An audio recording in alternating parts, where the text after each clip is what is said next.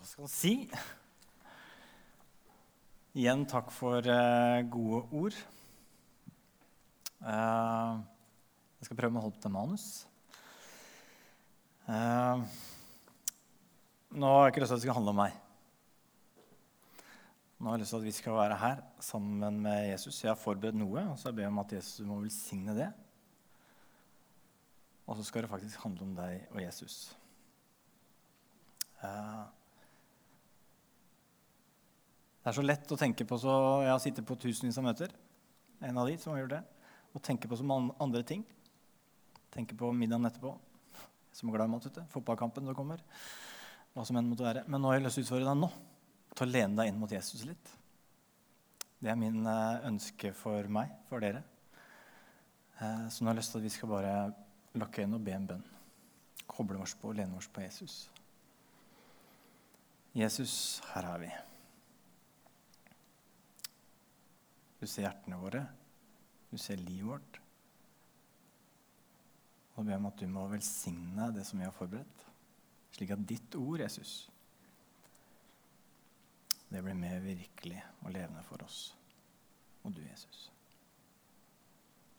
Mm. Ja. Jeg har kalt overskriften på talen eh, 'Vi ser ikke hele bildet'. Og eh, inspirert av eh, en som har skrevet mange bøker, Paulus, hvor han skriver at vi forstår stykkevis. Tro det eller ei, så eh, her inne så har vi noe felles. Her sitter dere. Dere har kommet inn den døra der. Noen kanskje har kommet inn bakveien. lurt dere inn, vet ikke, Men her er vi alle sammen. Eh, og så har du eh, Du har ditt liv. Vi har felles at vi sitter her, men så er ditt liv det er helt unikt. Du har eh, din bagasje, som vi ofte sier med det vi putter med der. Du har hatt din uke, din morgen, eller kanskje du ser tilbake på og kjenner at det er sommeren den satt litt i. Og kanskje du har lyst til å bare sette en strek over sommeren. Du bærer på inn her, så kjenner hjertet ditt at du bærer på noen valg som du har gjort. Eller noen valg andre har tatt for deg, som har påvirkning. Som gjør at du kjenner at ting kan være utfordrende. Og kanskje du sitter her og kjenner på sykdom. Eller du kjenner noen som er syke. Flere av dere kjenner noen i menigheten her som heter eller Gina. Ask Fossum, som nok en gang må, er i behandling. Og jeg syns det er vanskelig. Jeg får ikke det helt til å gå opp. Jeg blir irritert. Eh, kanskje du sitter her og er litt fortvila. Kanskje du sitter her og kjenner på sinne på Gud. For du får ikke hele bildet til å gå opp. Kanskje du kjenner at uh, du har lyst til å klage. Og det er lov. Det fins en hel bok i Bibelen som heter Klagesangene.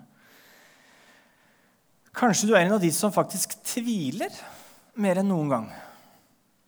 For du får ikke hele bildet til å gå opp. Og kanskje du er en av de som kjenner som meg, at uh, troen min i møte med 2021 den er vanskelig. Jeg får det ikke helt til å gå opp. Du kan tenke at Gud er kjærlighet, men så skjer det det og det. Gud er kjærlighet, og så må jeg gå gjennom det og det. Gud er kjærlighet, men i møte med 2021 så er det vanskelig. Jeg klarer ikke helt å se det store bildet. Hvis du har kjent på noen av de der, kommer inn hint med noe av det, så tror jeg du ikke er aleine. Jeg har kjent på det. Jeg får det ikke helt til å gå opp mange ganger. For jeg ser ikke hele bildet. Og Derfor tror jeg Paulus sier at vi skal forstå stykkevis. Jeg skal dele to historier fra, fra Bibelen. To historier av to mennesker som ikke så det hele bildet. Den første historien er fra Gamletestamentet og handler om Abraham. Han får i oppdrag om å ofre sin sønn. I første Mosebok 22 står det En tid etter at dette hadde hendt, satte Gud Abraham på prøve. Han sa til ham, 'Abraham.' Og han svarte, 'Ja, Herre, her er jeg.' Da sa han, 'Ta din sønn, den eneste Isak, han du elsker, og dra til landet Moria. Der skal du ofre ham som et brennoffer på ett av fjellene.' For en forferdelig melding å få. Se for deg Abraham få den meldinga der. Eh, I kapittelet før så kan vi lese om eh, Abraham og Isak. Nei, Abraham og Sara. At de får sønnen Isak. Nå må du stå opp. Etter mange år eh, så har de prøvd, altså. Abraham og Isak. De har prøvd Nei, Abraham og Sara. Det går ikke an. vet du. Abraham og Isak kan ikke få barn. Men Abraham og Sara de hadde prøvd i mange år for å få barn, og de fikk ikke barn. Men mirakuløst vis, så på sine eldre dager, så får, så får de sønnen Isak. Og de er glade, for da kan de føre generasjonen videre. Isak vokser opp, og så får Abraham i oppdrag å ofre sønnen sin. Er det mulig? I lydighet så eh, drar Abraham og tar med seg sønnen Isak. Finner ved, drar opp på eselet, og de drar opp på fjellet. Tenk på det tankekjøret Abraham har kjent på idet han går opp på fjellet. Jeg tenker Den turen opp på fjellet har vært tung før. Som måtte vært uendelig tung. På toppen av fjellet så er han lydig mot Gud. Han lager et alter, legger veden oppå, og så legger han Isak oppå og er på vei til å ta kniven. Og så hører en engel rope i 1. Mosebok 22. Legg ikke hånd på gutten og gjør ham ikke noe. For nå vet jeg at du frykter Gud, siden du ikke har spart din eneste sønn for meg. Og like etterpå så får han løfte videre i neste vers. Fordi du gjorde dette og ikke sparte din eneste sønn, vil jeg velsigne deg rikt og gjøre din ett så tallrik som stjernene på himmelen og som sanden på havets sand. Din ett skal innta fiendens porter. Ved din ett skal alle folkeslag på jorden velsigne seg fordi du hørte på meg. Kanskje du har hørt historien før. Mest sannsynlig. Og når du vet at en historie vender godt, og vi, vi har på en måte hele bildet på den historien Vi vet at det ender godt. Men tenk på Abraham. Tenk på den følelsen han har hatt. Tenk på alle de spørsmålene han må ha kjent på i den prosessen han var i. På alle de fortvilelsene han har vært. Hallo, Gud. Du sier at du er kjærlig, men hva, hva med dette her? Og jeg tror han stilte mange spørsmål, for han fikk det ikke til å gå opp. Nå hadde han endelig fått arvingen, og nå skulle han ofre ham. Men i lydighet på tross det som ser feil ut, tross at han ikke ser hele bildet, så er han lydig mot Gud. Og han blir velsigna med et nytt løfte. I Nytestamentet skal vi lese om Maria Magdalena. Ei dame som er kjent for å ha gjort noe feil. Hun møter Jesus. Hun blir opplevd, eller får opplevd å bli helbreda, blir tilgitt. Og som mange av de andre disiplene så velger å følge Jesus og leve tett nært på Jesus. Hun, blir opplevd, hun får opplevd på kroppen sin helbreda. Og hun får se mennesker bli helbreda. Og hun får høre at Jesus er Messias. Det er han som er frelseren. Og i Johannesevangeliet 19 så kan vi lese om eh, Jesus' korsfestelse. Og i vers 25 så står det Ved Jesu kors sto hans mor, morens søster, Maria, som var gift med Klopas. Artig navn, egentlig. Og så står det også Maria Magdalena. Maria Magdalena var ved Jesus sitt kors. Hun var altså sikker på at Jesus var frelseren. Men nå, ved korset, så ser jeg opp på korset, så er Jesus han er spikra til korset med beina, med henda, fått en tornekrone, og blodet renner fra hodet til Jesus. Han som var frelseren, henger der og holder på å dø. Det går jo ikke opp. Når han henger der, så tenker jeg, hos, tenker jeg hun må tenke at det ser ikke veldig ut som en frelser der han henger. Hvordan kan han frelse oss når han henger der du? Jeg tipper at hun tenker 'Jeg får ikke det her til å gå opp'. Hun hadde ikke det bildet av korset som vi har, som vi henger der, og som vi går rundt med halsen. For oss så ser vi hele bildet. Vi vet hva Jesus gjorde. Vi ser hele Jesus' frelsesplan. Men hva, sa, hva så Maria Magdalena i fortvilelsen og sto under korset? Dette går ikke opp.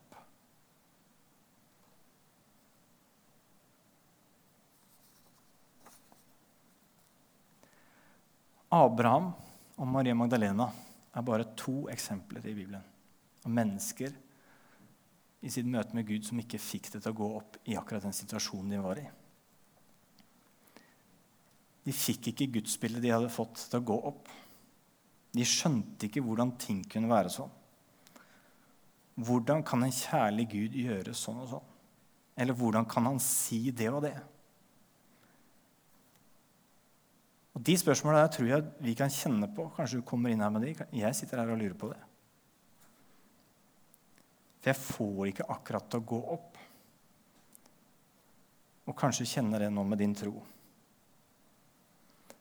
Men mitt spørsmål til deg er hva vil du gjøre med de spørsmåla? Hva tenker du å gjøre med de?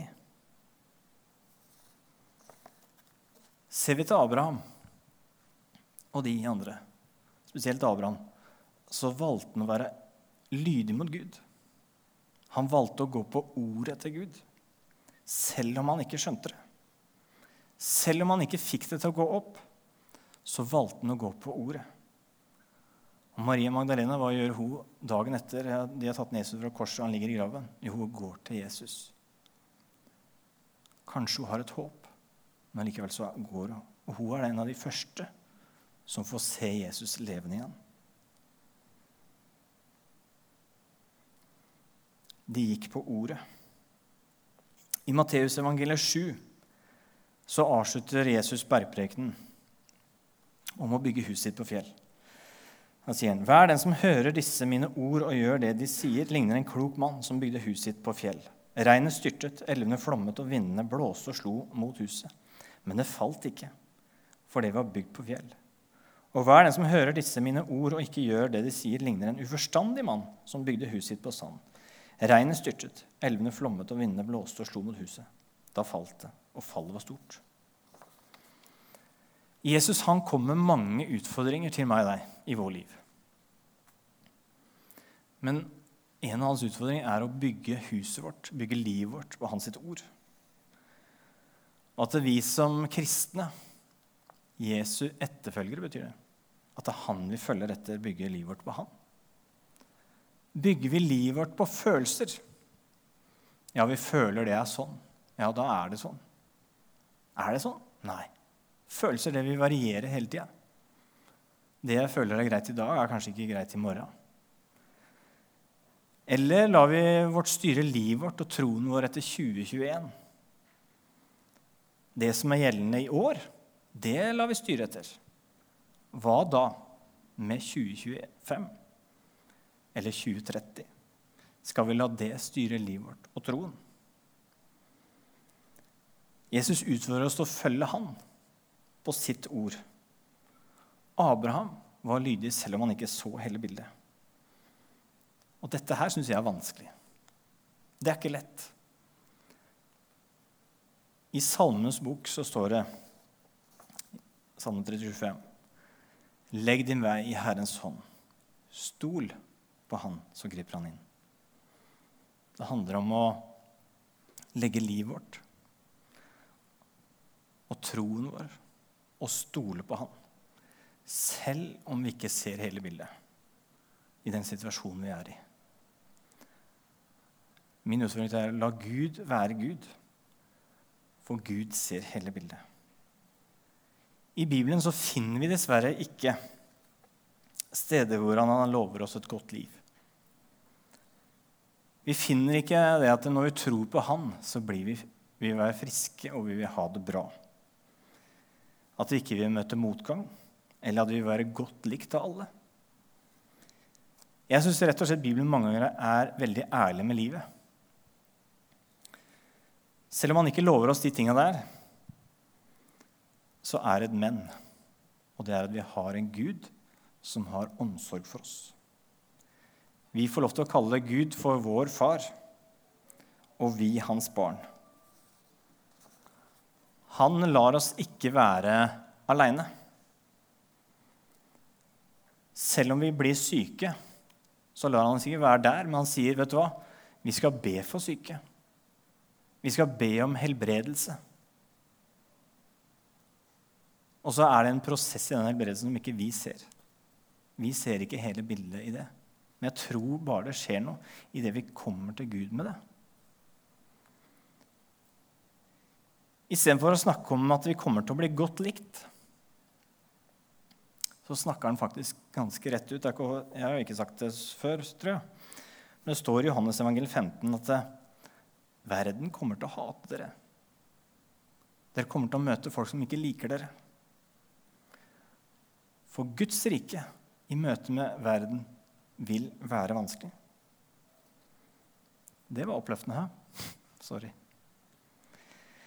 Men det vil si, da, når Jesus er ærlig med livet, og sånn det er, så vil livet vårt, troen vår i møte med 21, 2021, ikke alltid gå opp. I det du går og bærer på, dine spørsmål, dine utfordringer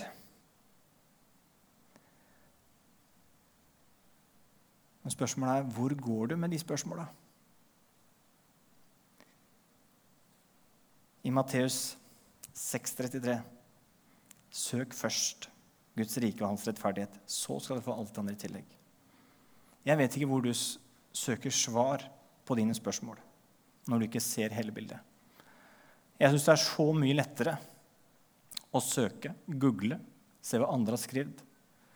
Uh, se hva andre forfattere sier, osv. Det kan være mye lettere. Men spørsmålet er hvor søker vi? Hvor stiller du inn i spørsmål? Og så sier Jesus, 'Jeg er veien, sannheten og livet'. Det er så mange veier i dette livet her, og så mange muligheter vi har for å finne ut av ting. Hvilken vei går vi? Og det er så mange sannheter. Det er så mange som ønsker å være en sannhet i, rundt oss i 2021. Men det er Jesus som har sannheten. I Johannes evangeliet 15,5 sier han, 'Bli i meg'. Bli i meg. Det er så mye i vårt liv som ønsker å ta vårt fokus, som stjeler vår tid, og som kan være bra også. Men utfordringen Jesus har, er å si, 'Bli i meg'. Og Paulus snakker masse om at vi er i Kristus. Vær i Han. Matteus evangel 11, 28. Kom til meg, alle dere som strever bare tunge byrder, så vil jeg gi dere hvile. Jesus sitt budskap er ganske klart og tydelig. Med vår liv, med vår bagasje, med de spørsmål vi har, så sier han, 'Stol på meg'. Kom til meg. Vær med meg. Bli i meg. Med, du, med det du går og bærer på, kom til han med det. Det er så mange andre ting som ønsker å ta vårt fokus, og som ønsker å stjele hans oppmerksomhet. Mens hans utfordring er når vi ikke ser hele bildet, og vi er fortvila, og det er vanskelig, vi får det ikke til å gå opp. Og sier han, 'Søk meg'. Kom til meg, sier han. Han sier bare 'kom'. Det handler ikke om at du skal prestere noe, det handler ikke om at du skal gjøre sånn og sånn. Det handler om at du skal få lov til å bare komme. Og så sier han, 'Kom til meg, alle'. Der er du inkludert. Alle. Du er ikke utafor hvis du tenker sånn og sånn. Gud har rom for deg. Gud tåler deg. Gud tåler dine spørsmål, Gud tåler din tvil. Han tåler din klage. Og så strever vi med forskjellige ting. Men det vil si at vi kan komme til han med det. Peter snakker om at i sitt brev husker jeg andre Peters brev eller noe. Jeg har ikke det verst på skjermen. Men der, der sier han kast alle, alle, deres bekymring på han, for han har omsorg for dere. Han sier få det vekk. Gi det til han.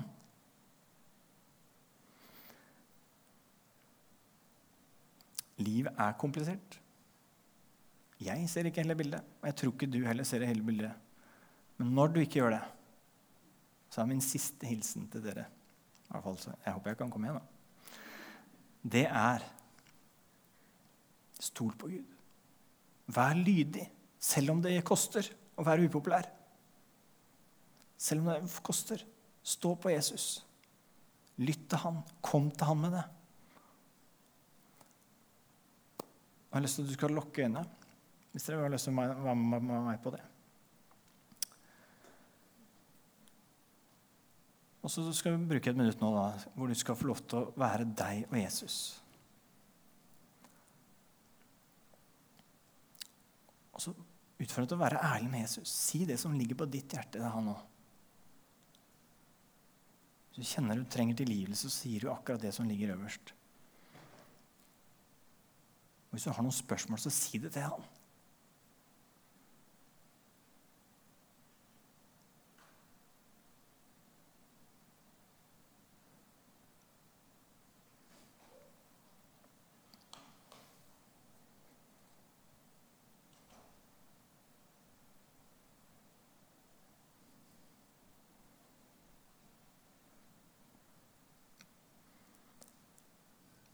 Takk, Jesus, her fordi du du rommer oss.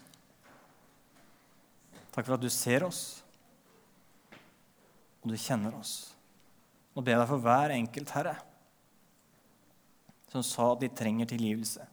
Jeg ber om at de kan få kjenne det i dypet av sitt hjerte, at de er høyt elska av deg, at de tilhører deg, Herre, og at du har tillit til en gang for alle, Jesus. Jeg ber deg for de som stiller vanskelige spørsmål til deg, Jesus. Jeg ber om at de kan få kjenne at det er rom for dem, Jesus. Jeg ber om at når de søker deg, Herre, eller åpner ditt ord, Herre, så skal det bli tydeligere, Herre. Takk for at du elsker hver og en så uendelig høyt til Jesus. Og du får kjenne at det, livet og bagasjen de kommer med, Herre, er plass til hos deg, Jesus.